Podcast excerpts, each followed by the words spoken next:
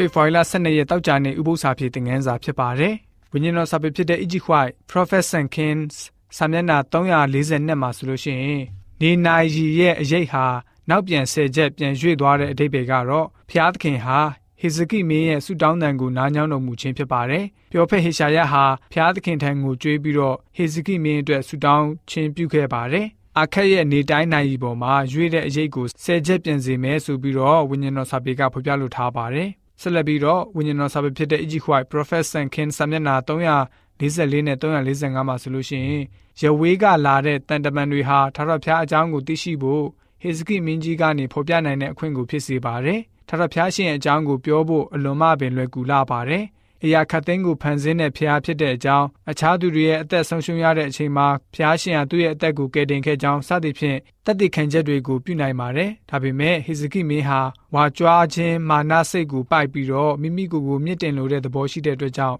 နန်းတော်တွင်းမှာရှိတဲ့ဘန္နာတော်အားလုံးကိုတခုမကြံဖွင့်ပြီးတော့ပြသခဲ့ပါတယ်။မင်းကြီးဟာအဖို့တိုက်တန်တဲ့ယတနာအပေါင်းရွှေငွေနဲ့အမွေးနဲ့သာရှိသမျှလက်နက်ကိရိယာတွေအားလုံးနဲ့ဘန္နာတိုက်အတွင်းထားတဲ့ဘန္နာအားလုံးသူမပြတဲ့အရာတစ်စုံတစ်ခုမှမရှိဘူးဆိုပြီးတော့မှတ်တမ်းတင်ထားတာတွေ့ရပါတယ်။ဖျားရှင်ကိုဂုံပြုခြင်းမဟုတ်ဘဲနဲ့မိမိကိုယ်ကိုဂုံတင်ခြင်းသာဖြစ်ပါတယ်။ တိုင်းတစ်ပါးမင်းကြီးမင်းသားတွေရှေ့မှာမိမိကိုယ်ကိုထောင်လွှားပြခြင်းပဲဖြစ်ပါတယ်ဆိုပြီးတော့ဝိညာဉ်တော်စာပေဖော်ပြခြင်းအဖြစ်တောက်ကြနေဥပု္ပ္ပစာဖြစ်တဲ့ငန်းစာကဖော်ပြပေးထားပါတယ်ဥပု္ပ္ပစာဖြစ်တဲ့ငန်းစာခုနှစ်ကတော့ဒီလောက်ပဲဖြစ်ပါတယ်ဥပု္ပ္ပစာဖြစ်အစီအစဉ်တစ်ဆက်သူကျွန်တော်ဆက်ဆောက်ပါကျမ်းနာရတဲ့သူအရောက်စီတိုင်းဝိညာဉ်ခွန်အားနဲ့ပြေဝကြပါစေကျေးဇူးတင်ပါတယ်